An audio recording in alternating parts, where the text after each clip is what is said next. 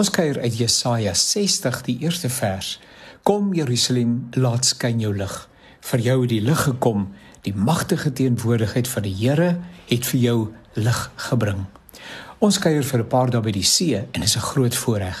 Die grootsheid van die oseaan tref altyd weer en weer en 'n mens word herinner aan die skepingswoorde van God toe hy die waters op een plek versamel en die droë aarde sigbaar geword het. Genesis 1 vers 9. God het verder gesê: "Laat al die water onder die hemelruim op een plek bymekaar kom, sodat daar ook droë land sal wees." En dit was so.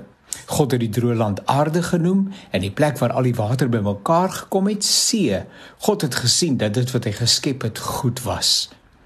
Die skuldig voel om met 'n mens agter die lekker aan eet wanneer jy met vakansie is, word iets wat verdoof as ek 'n entjie op die strand gaan draf.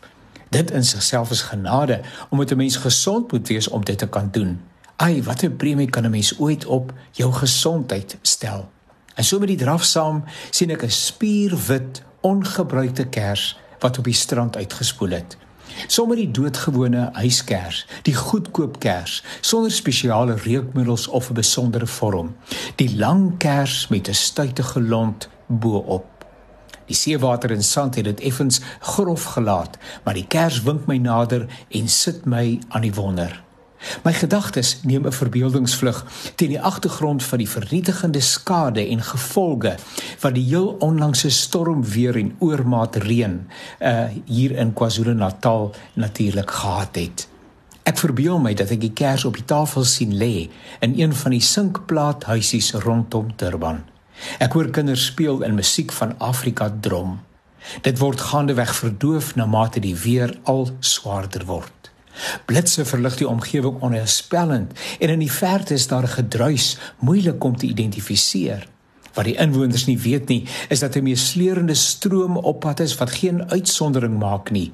Geen meriete stand of prestasie kan aangebied word dat die stroom ander pad kies nie. Reënwater begin genadeloos deur die reeds stikkende sinkplaat dak stroom terwyl die water pad maak deur die enigste deur wat die blyplek het. Modderwater skommel in die huisie soos in 'n wasmasjien totdat die drukking te groot word en dat die vier sinkplaatmure omstoot. Wie ook al daar woon word uitmekaar geruk terwyl elkeen deur die stroom weggevoer word na 'n onbekende bestemming.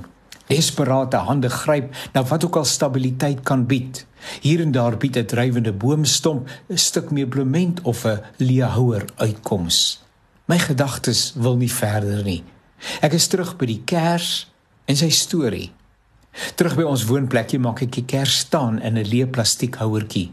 Ek steek die kers in 'n oomblik van gewydheid aan terwyl ek treur, saam treur met mense wie se geliefdes nooit opgespoor sal word nie. En die kers begin sagkens sing, This little light of mine, I'm to make it shine. Make it shine, make it shine, make it shine. Weliswaar nie vir die plekkie en die mense vir wie dit bedoel was nie, maar vir my wat oorvloedige rede het tot dankbaarheid. Ons harte gaan uit na die honderde mense wat omgekom het, die enorme materiële verlies en die hartseer en ontwrigting wat nog vir lank gevoel sal word. Mag die Here self sy liefde en genade bewys.